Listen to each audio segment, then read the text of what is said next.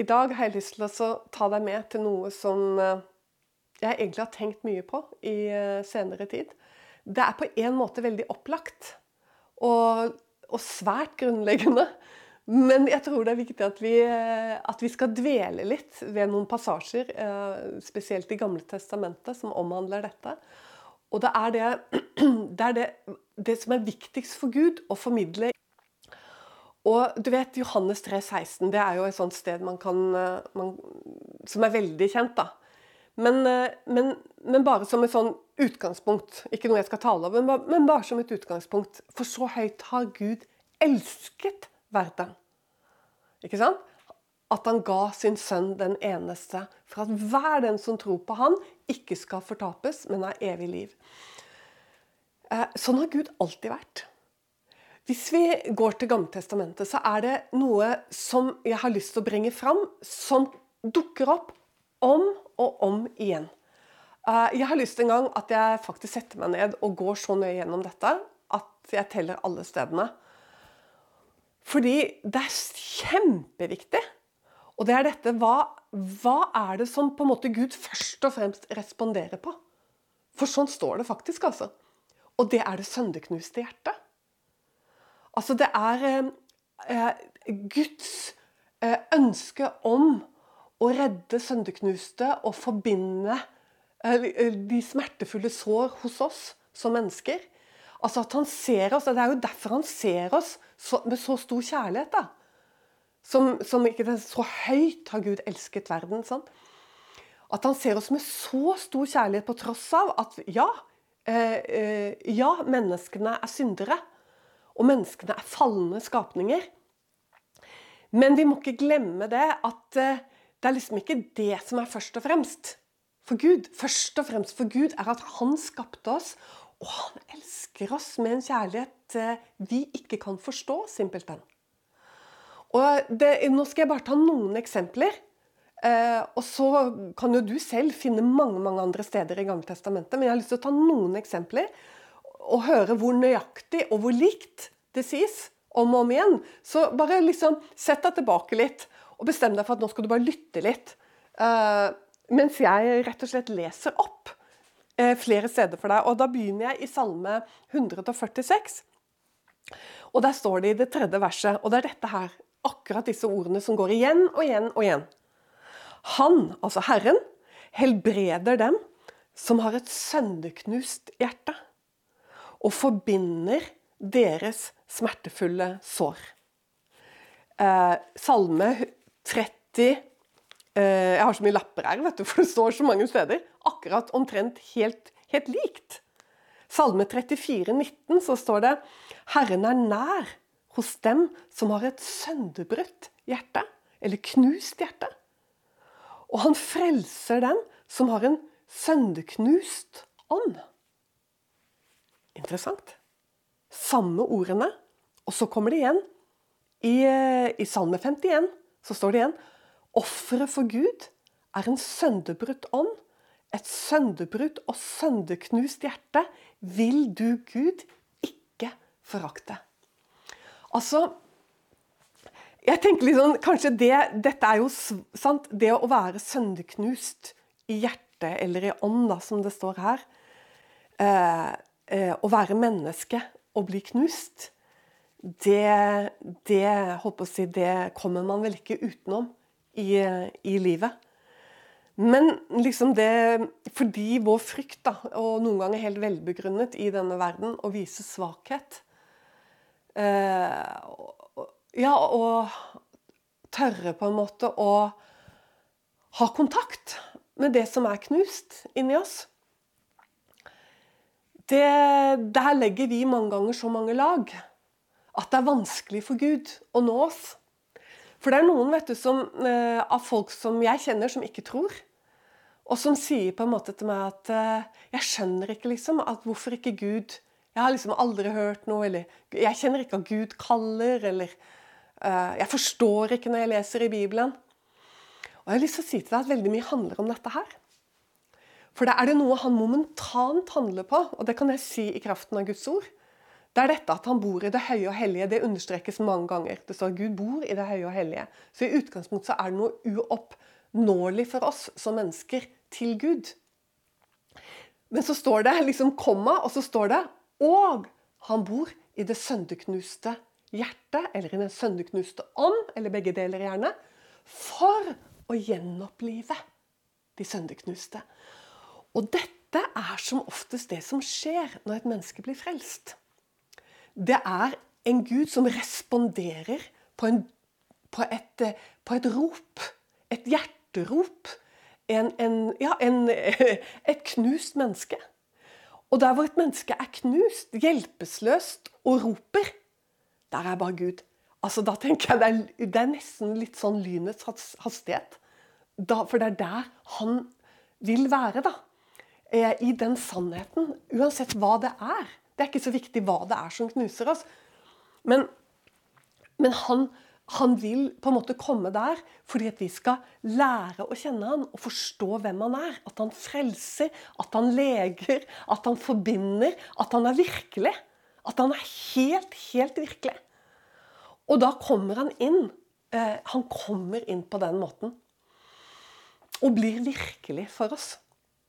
Sånn at eh, jeg tenker at eh, mange som da på en måte vil gjerne liksom søke Gud og liksom ønsker å være Ja, liksom har blitt litt religiøse, da, men vi får liksom ikke tak i det. Jeg kan nesten si det er helt uh, sikkert at det handler om dette her. Det handler om på en måte hvorvidt vi uh, uh, liksom Dette herre hvor Gud har noen dører å gå inn gjennom, da. Vi kan være så pansrede i vårt forhold til sannhet når det gjelder oss selv og våre handlinger eh, andre mennesker. Altså Vi kan være så pansra på sannhet. Og det kan jo ofte også handle om en sånn veldig eh, knusthet som har gjort at vi har satt opp det forsvarsverket. vet du. Så, det er vanskelig å slippe til for Gud. Derfor er det jeg sier at det er noe med å dvele her. For vi vil så lett liksom komme litt sånn. Det er sikkert at alle er sånn, da. Men, men, det er fort gjort da å komme liksom med synden. sant? Liksom fallet og synden. Og ja, eh, det er, eh, det er helt sant, det. At synden skiller oss. Men det er noe skjønner du, som er litt nesten Det er ikke lov å si før heller, men jeg har lyst til å gå til et sted som illustrerer det veldig bra. Men ikke, ikke med en gang, for jeg vil bare vise deg noen steder til som understreker dette. Og nå kan du bli med til eh, Jesaja. Og, for det står også i Jesaja i kapittel 57, og jeg vil at vi skal øse litt av dette, fordi det er så utrolig viktig. Og det står i det 15. verset i Jesaja 57. For så sier den høye, den opphøyede, han som troner evinnelig, og hvis navn er hellig. Altså, Her understrekes en sånn utilgjengelig. ikke sant? Altså noe Han er hellig, han er opphøyd. Så står det i det høye og hellige bor jeg. Men så kommer det. Og Han bor ikke bare der. Og hos den som er sønderknust og nedbøyd i ånden, for å gjenopplive. For å gjenopplive de nedbøydes ånd og gjøre de sønderknuste hjerter levende. Og det er nesten så jeg har lyst til å si at Sånn ble jeg frelst. Altså Det var sånn Gud frelste meg. Jeg var sønderknust. Eh, I hjerte og i ånd. Sønderknust. Og så var det i altså det sønderknuste meg som ropte til Gud. Altså dette hjertet begynte å rope. Og da var det Han kom. For, ikke sant? Og hva var det vi leste? For å gjenopplive. Og det var det han gjorde. Jeg opplevde sånn at jeg fikk livet tilbake. Altså, liksom at jeg ble levende, da. Og liksom at øynene i hjertet mitt ble åpnet. Sånn er vår Gud. Og, og, og, og jeg tenker Det er så vondt liksom, å se hvor redd vi er. Det er ikke bare at han frelser sånn. Men du skjønner, hvis du skal komme videre med Gud ofte, så er det disse lagene inni oss som kan stenge og holder han ute av rom inni oss. Som vi, vi vil ikke åpne enkelte dører i rommet. Men, men, det er det Gud vil. Jesus sa det sånn ikke sant? at når lyset får skinne på oss ikke sant? Nå har jeg ikke akkurat ordene ordrett her, da, men du får bare gå og finne det uh, selv. For Jesus sier dette at når, når liksom ikke noe rom, ikke noe, ikke noe er mørke inni oss, men når, Jesus, når han får skinne sitt lys inn i hele oss, da blir det lys overalt, liksom. Og Det er jo det Gud jobber med. Og en dag, når vi skal se Han som er lyset, og vi skal se Han sånn som Han er, og da vil vi også se at vi er fullt ut kjent og fullt ut elsket, og da blir vi forvandlet til det samme bildet. Det er helt nydelig. Sånn at vår angst da, for å slippe opp i disse rommene, det vil veldig ofte innebære en møte med knuste deler av oss, liksom, som fortsatt er knust og ikke lekt. Der hvor ikke han har fått lov til å forbinde oss. Men han ønsker hele tiden å forbinde deg.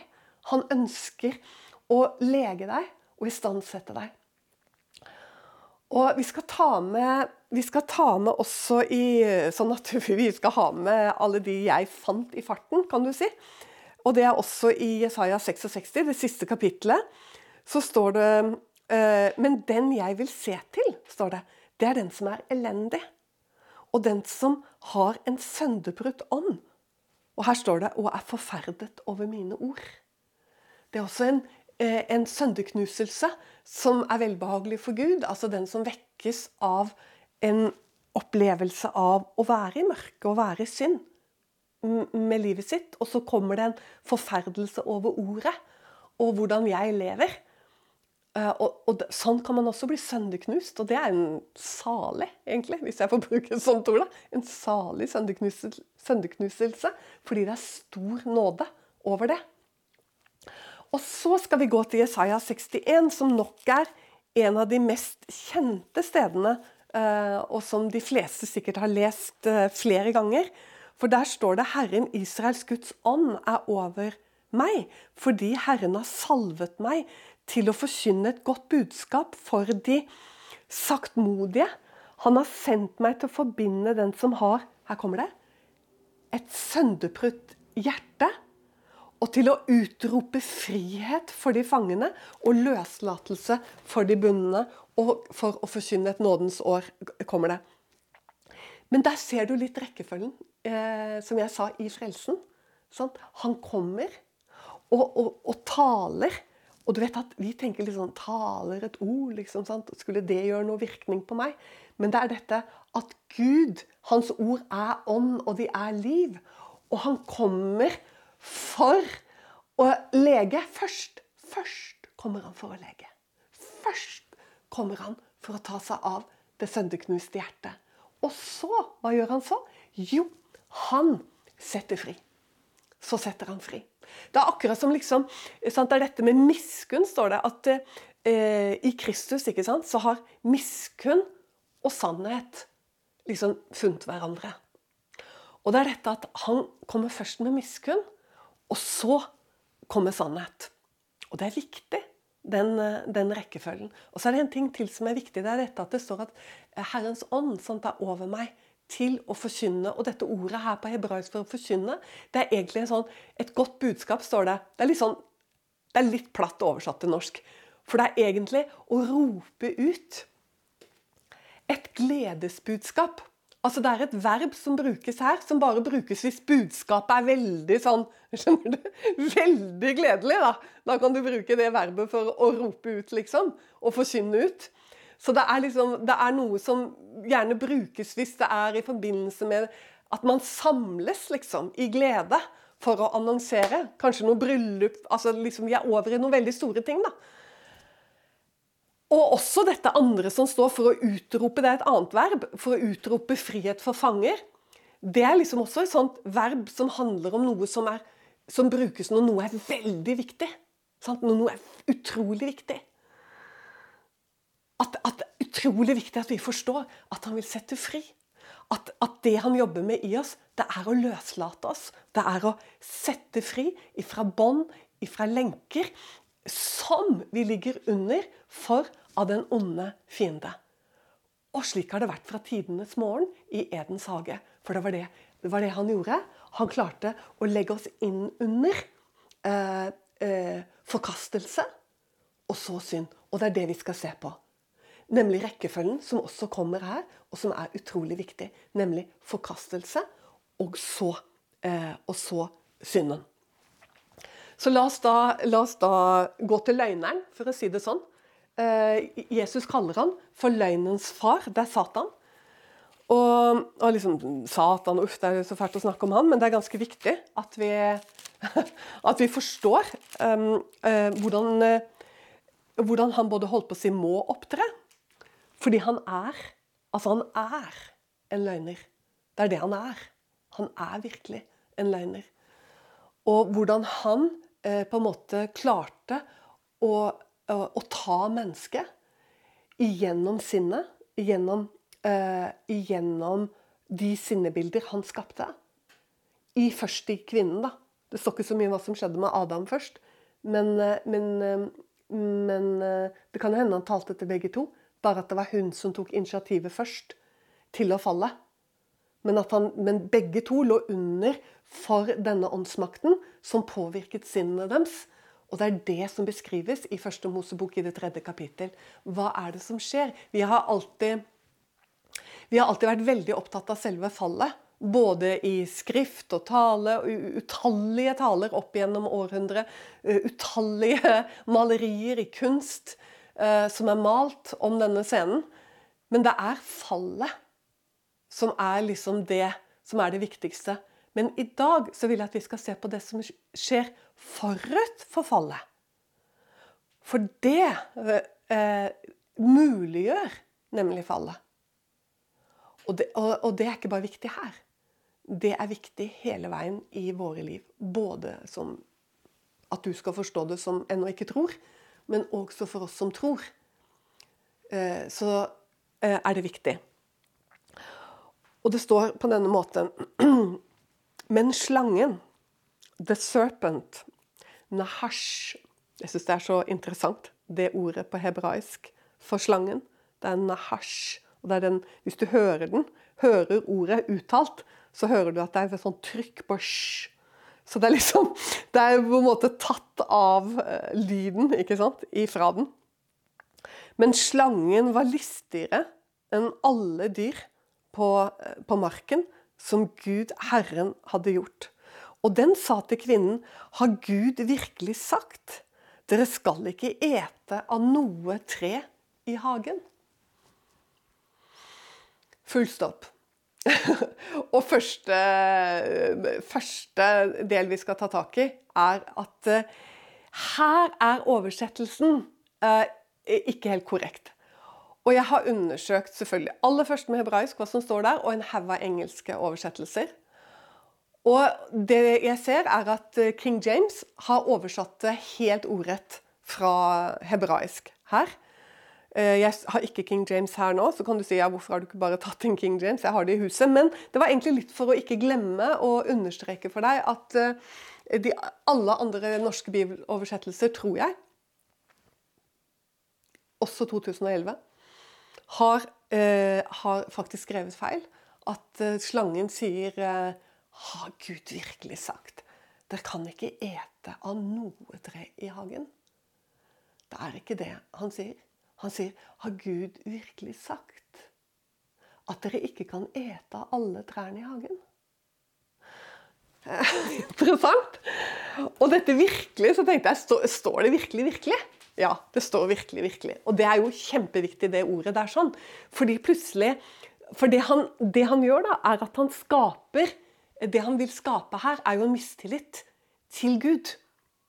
Sånn, eh, har, har han virkelig sagt at dere ikke kan ete av alle trærne i hagen? For det var jo det. Eh, så han snakker jo helt sant. Altså, slangen snakker sant. Fordi de kunne ikke ete av alle trærne i hagen. For det var ett tre de ikke kunne ete av. Men måten, ser du, han vrir det på. Altså Det som egentlig er veldig positivt, fordi det treet de ikke kunne ete av, det ville skape død. Sånn? Men for på en måte å si noe sant ved å gjøre det negativt, så er han på, jeg synes det er så fint, på engelsk så står det at slangen er cunning. Altså, og, det, og, det, betyr egentlig både smart, fornuftig, lur. Sånn? Vi har ikke med en dumran å gjøre. Altså, Vår fiende han er liksom ikke en sånn Ja, han er beseiret liksom Jesus. Sånn, skjønner du? At liksom vi blir helt der, da. Vi blir litt overpå, liksom. Han, han er kjempesmart. Og her lyver han ikke heller, vet du. Men han lyver indirekte ved at han prøver å snike inn. En, en, han liksom er litt sjokkert, da. Tenk at ikke dere får ete alle trærne i hagen, liksom. Sånn? At, liksom, at, det er noe ikke dere får lov å ta av. Sånn? Her kan du på en måte bare Og det er viktig at vi forstår liksom, hvor mye Gud formidler igjennom dette når det gjelder hvordan sinnet vårt kan Og hvordan han jobber mot sinnet vårt for på en måte å fordreie det som, det som er beskyttelse, eller det som er positivt. da. Her kunne jeg jo kommet med utallige eksempler. Både generelle eksempler og personlige eksempler. Hvordan han er en mester på dette, har han virkelig sagt, liksom. At dere ikke kan ete av alle trærne i hagen. Og med en gang så skjønner du i svaret til henne liksom, at hun blir usikker. Og nå, Det er akkurat som en sånn liksom barnet. jeg tenker barn, det er jo, Hva er det vi elsker med barn? Det er jo fordi de har tillit. sant? Så sant ikke barnet har vært utsatt tidlig for mishandling. da. Så kan, hvis barn tidlig har vært utsatt for mishandling, så kan du se at det er en sånn tidlig brutt tillit til mennesker og omgivelser. Og du kan nesten se det i blikket på dem. Og det er fryktelig fælt å se sånne barn. Fordi det som kjennetegner barn, det er liksom den åpenheten og tilliten eh, til eh, omgivelsene. Sånn? Det er liksom, Synden har ikke fått lov til ennå å eh, liksom gjøre sin gjerning av fordreidhet. Mennesket blir på en måte mer og mer preget av synden og fordreidheten. Men her er det liksom, vi får bli med inn i hagen. Er du får se et menneske gå fra barn til voksen i et nu. I møte med vår sjelefiende og han som arbeider mot sinnet ditt. Og hun Jo, ikke sant? Jo! Eh, hun sier vi kan ete av trærne i hagen. Det hun kunne, det, hvorfor jeg sier at jeg vet at det har skjedd noe med sinnet hennes, er fordi det hun burde sagt, hun burde gjentatt det Gud har sagt. For hva er det Gud har sagt? Dere kan fritt ete av alle trærne i hagen utenom det ene i midten. Forstår du? Så det er jo det hun, det jo det hun ville sagt, og burde sagt. Sånn? Det står skrevet. Hun kunne ikke si det, da, men litt sånn som du skal møte han, sant? Og, og, og da må du ikke slå av på ting. For han, mener, Gud sier ikke noe liksom, Vi kan tenke at Gud ja, ja, Det er ikke så bokstavelig ment, men med Gud så er det veldig bokstavelig ment. Han vil aldri legge til et ord overflødig, og aldri trekke fra noe som er viktig. Så når han har sagt at dere kan fritt ete alle trærne i hagen, så er det det vi kan. Men så sa han ikke det, fordi at det var vern. Det var beskyttelse. Da vil dere dø. Men, men det er ikke det hun sier. Og derfor så skjønner du at skaden, forvirringen, har skjedd. Fordi Det er liksom å gå fra barn til voksen i et nu, som jeg sier. sant? Fordi hun, hun uh, har full tillit. sant? Og så plutselig så kommer det Det blir sånn en tvil om Gud er god. Rett og slett. Og hun blir usikker og sier jo, sant, vi kan ete av trærne. Hun sier ikke alle trærne, hun sier vi kan ete av trærne. Men bare det der, liksom. sant, det har han sagt at hvis vi eter av det, så, så skal vi dø. Og det, og det, er viktig, det sier hun. Men det er jo åpenbart at det har skjedd noe. Og så kommer løgneren, vet du. Så sier han Og det er jo nesten som han hør nå, som han profeterer, vet du. For han sier 'Dere skal ingenlunde dø'. Han sier rett og slett at Gud har løyet. Og at han har løyet en, av en hensikt. Fordi at det er noe han vil holde borte fra oss en, en, noe som er veldig godt og noe som er veldig bra, som han vil holde borte fra deg. Som han vil hindre deg i, liksom. For Gud, han er ikke helt god. Han er ikke helt god, han, altså. Det er noe han holder for seg. Sånn at, eh, så Derfor sier han det er derfor han har sagt at dere skal dø. Det er ikke fordi dere skal dø, men det er derfor han har sagt det. Fordi at da vil dere bli som han. Det er bare sånn, håper jeg, et sånn platt norsk ord som sjofel.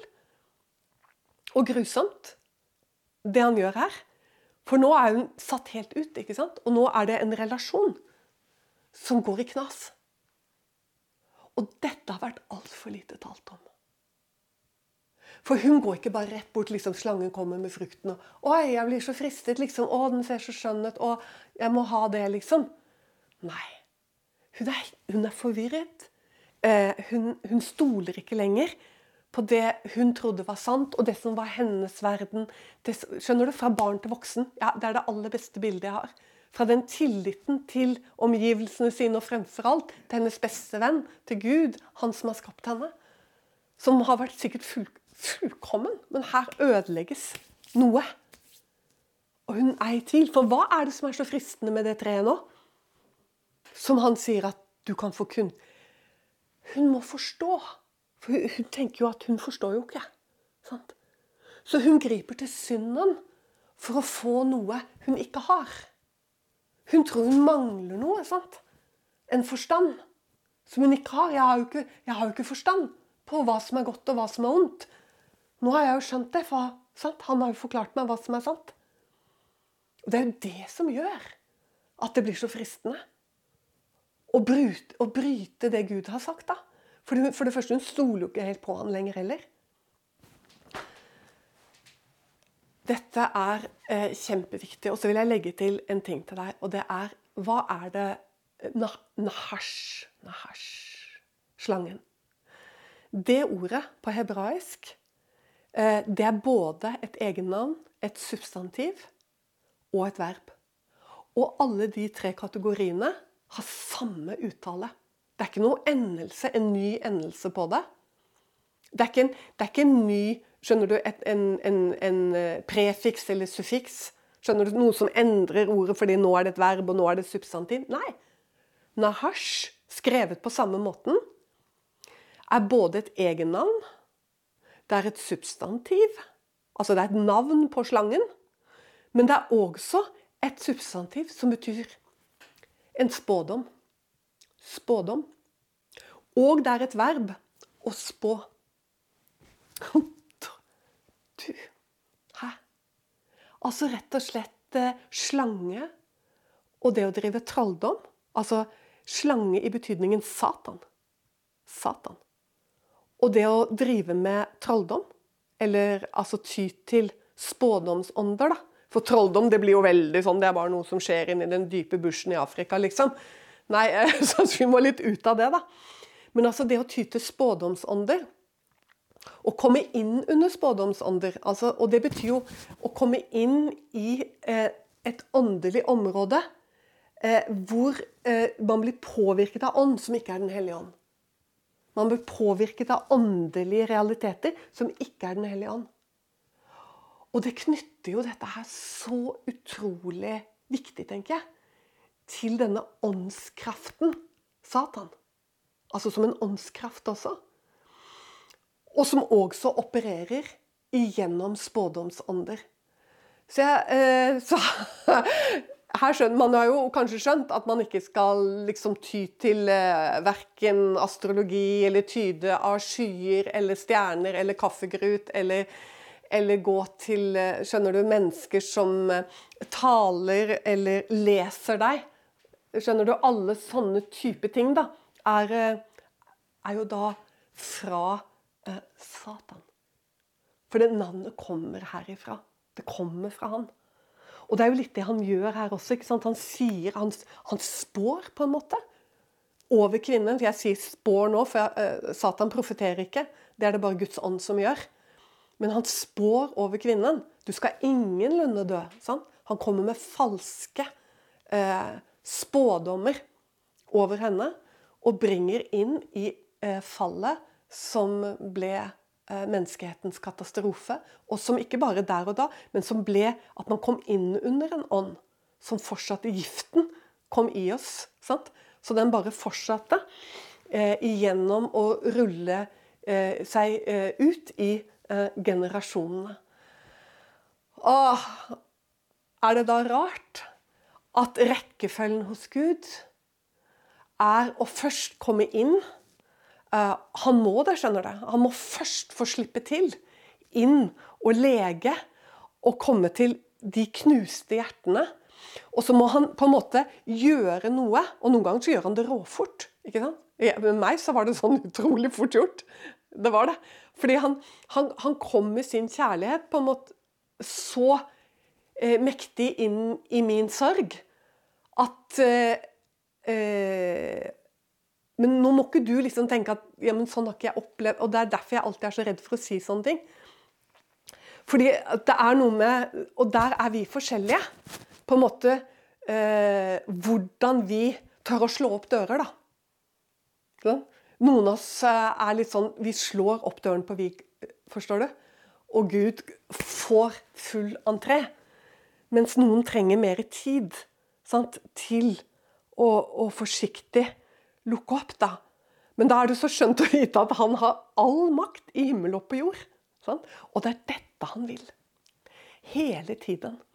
Det er å lege disse eh, sårene og bindingene og sånn som har kommet inn i hjertet. og nå han får på en måte, Hjertet betyr liksom, tror jeg, i forhold til sinnet, at han kommer inn i vår person, inn i vårt innerste. Og så gjennom det så vil han også forvandle tankene våre. Sånn at tankene blir mer motstandsdyktige mot den sataniske åndskraft som virker, eh, og vil fortsette å virke på en kristen, eh, med sine fordreininger, eh, endringer, og det er alltid smart. Det er alltid nesten grenser til fornuftig. Skjønner Både smart og fornuftig, og særdeles klokt. Svært ofte. Det han gjør i forkant. Synden er ikke smart. Synden er ikke klok. Og veldig mange som faller, også er kristne når de gjør det, så vet de at det de gjør De skammer seg, de vet at det de gjør, er helt håpløst og kjempedumt.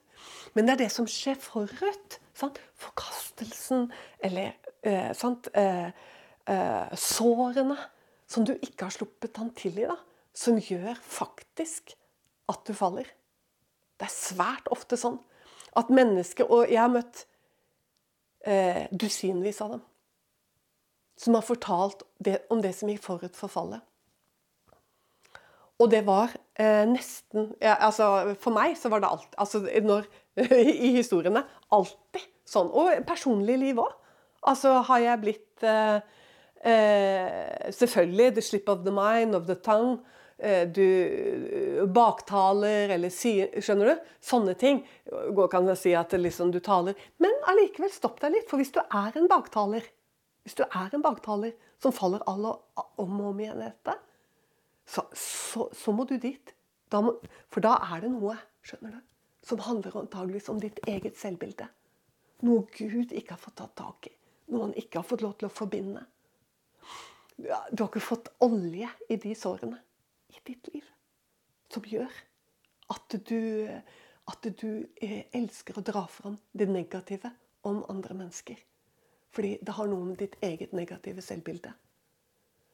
Så, så, så dette her går Altså, det er, det er, det er, det er så viktig eh, å, å la Gud få lov å slippe til.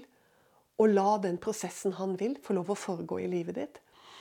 Og jeg har sagt eh, sikkert mer enn én en gang, og kanskje også på videoer flere ganger, at eh, det beste sted du kan være, det er å være der du er, og ikke være der hvor du i grunnen ikke er.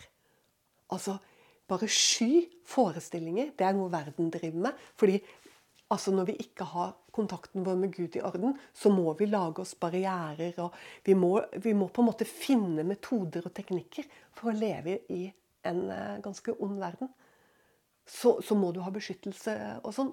Og jeg sier ikke at vi ikke trenger noe beskyttelse etter, men nå er vårt vern. Vårt vern er Gud. Vårt vern, vårt skjold. Han er vårt vern. Vi er trygge. Vi er ivaretatt. Vi er elsket. Og da eh, kan vi også tørre å slippe til. Nå har jeg lyst liksom til avslutningen at vi bare skal se på noe som, eh, eh, som det står også om i forhold til dette med eh, den sterke. Som er et sånn uttrykk som går igjen i, eh, i Bibelen. Om han som har bundet eh, den sterke. Og det står i det 24. verset Kan vel noen ta hærfange fra en kjempe? Eller kan fangene slippe fra den som de med rette tilhører.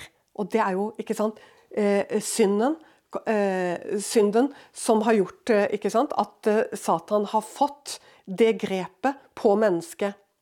Ja, for så sier Herren, både skal fangene tas fra kjempen, og voldsmannens hærfang slippe unna, og med din motpart vil jeg gå i rette, og dine barn vil jeg frelse. Dette er jo også et, også et spesifikt løfte til Israel, men det er også et løfte som går rett inn i dette. Og Jesus han taler ganske likt eh, på denne måten, og det er i Lukas 11. Og, der, eh, og det, er med, det er i forbindelse med at han driver ut en ond ånd. Og så kommer jo disse uh, religiøse sant, lederne og skal ta han, da. Og det blir virkelig sånn ganske stor Hva skal jeg si um, Det blir ganske sånn stor uh, hurumhei rundt dette her sånn. Og det er jo også da mener jeg at foreldrene og familien hans kommer for å, for å hente han og sånn. Og hvor de liksom sier at han er helt ute av seg og uh, det, det, er ganske sånn kampfullt rundt dette her sånn. Men da er det at han svarer uh, Han sier når den sterke med våpen vokter sin egen gård, da får hans eiendom være i fred. Og du, jeg tenker litt sånn der, vet du, at sånn, De skjønner jo her den sterke sånn, Satan, som vokter de han eier, eh, innunder synden. Men vi kan nesten bli voktere foran, vet du, rundt oss selv. At vi står nesten med våpen. Og, og, i forsvar. Og selvrettferdighet. Og alle disse greiene der, da. Eh, kom ikke her, liksom. Mens Gud kommer for å løse og sette fri. Og et kjempeeksempel på det, det er faktisk når Jesus kommer inn i synagogen i Nasaret. Og han nettopp sier i Jesaja 61 ikke sant? At Herren Israels Guds hånd er over meg. For han har, han har, salvet meg til å forkynne et gledesbudskap. Og hva er det gledes? At, at Gud skal forbinde de sønderknuste, de brutte relasjonene, de ødelagte hjertene. Og han skal sette fri. Han skal løse de bønnene. Det er dette her, skjønner du. Og hva skjer da? Jesus lukker boken og sier i dag er dette Skriftens ord oppfylt. Nå kan det skje. Alle som tar imot Jesus, kan få komme inn i dette. Inn i livet, inn i friheten. Nå er det oppfylt. Og hva skjer? De forherder seg. Og liksom Skulle vi liksom være syndens trell? Og, sånn? og det ender jo med at de driver Jesus ut av synagogen. og det, så, ja, Du må lese det det er, det er utrolig interessant. Den reaksjonen. Sånn. Og Jesus visste det. Han sier det var mange spedalske ikke sant? Eh, på, nå i farta. ikke sant? Var det på eh, Elia eller Elisas tid?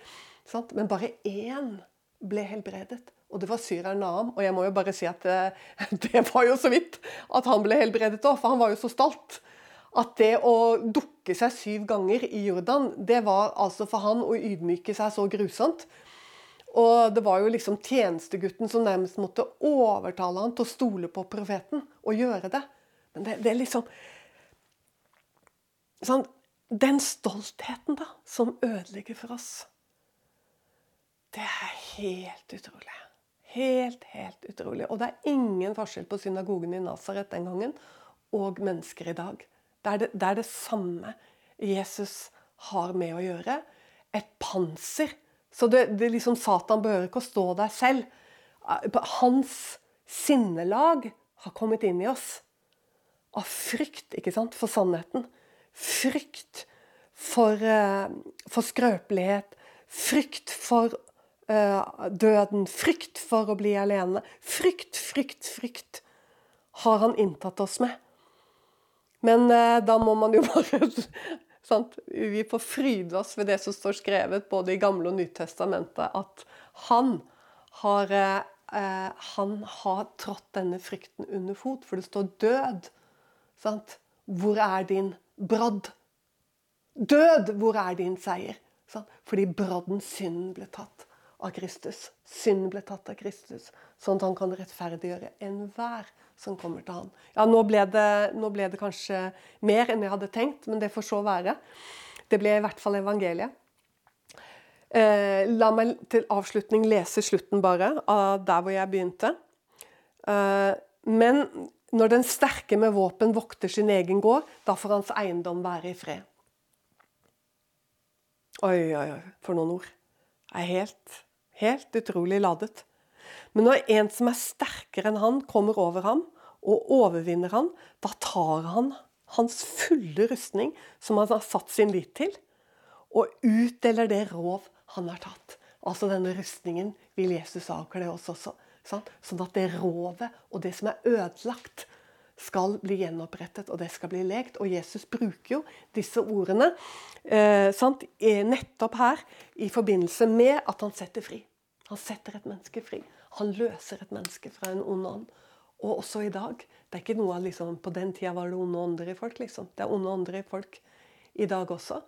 Og, og de, må, de skal ut. Han kom for å sette fri. Han kom for å løse. Men først og fremst så leger han sønderknuste og sønderbrutte hjerter, som igjennom det lærer å kjenne sin Gud. De vet at han fins. De vet at han lever. De vet at de er kjent. De vet at de er fullt elsket. Dette er frelse, dere. Og da gjenoppliver han, og da, gjenopp, da opp, reiser han opp på nytt. Oi, for en Gud vi har. Jeg tror vi skal sette punktum der. Og så gjenstår det bare for meg, som jeg alltid gjør, og det er jo en god ting, og det er å si Gud velsigne. Stå med oss økonomisk og i bønn. Du finner oss på utentvil.com.